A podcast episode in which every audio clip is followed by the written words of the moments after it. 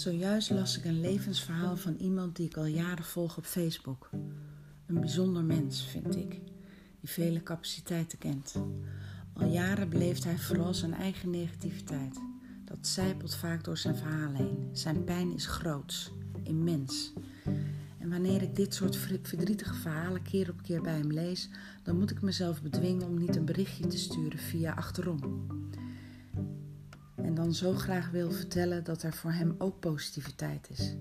Het is er in overvloed. Ik heb hem ook wel eens uitgenodigd, tractatie van mij. Hij is er jammer genoeg nooit op ingegaan. We kunnen anders naar verlies, pijn en verdriet kijken en mee omgaan.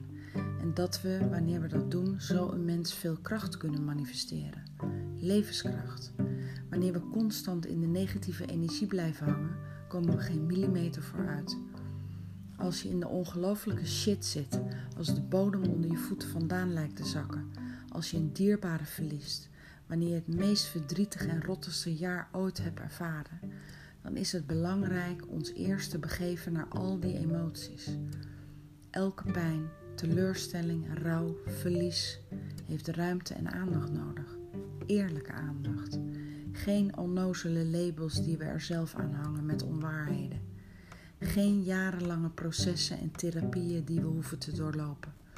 We weten tegenwoordig veel meer.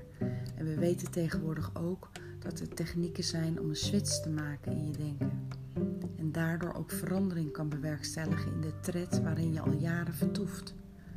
Natuurlijk kunnen mensen erop blijven afgeven dat het niet kan. Eén, omdat ze niet weten dat het bestaat en kan. Dit heeft mogelijkheden. Twee, omdat ze wel weten dat het bestaat en kan, maar het niet willen proberen. Want, vraagteken. 3. Omdat ze denken dat het niet werkt. Waar kan deze overtuiging vandaan komen? 4. Omdat ze denken dat het doodeng is.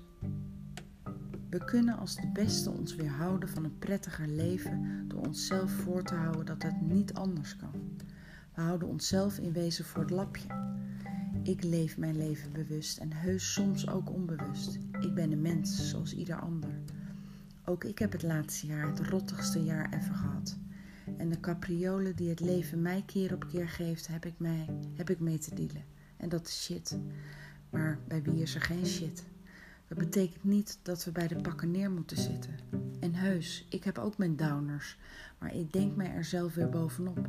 Iedereen kan dat, als de motivatie maar de basis is.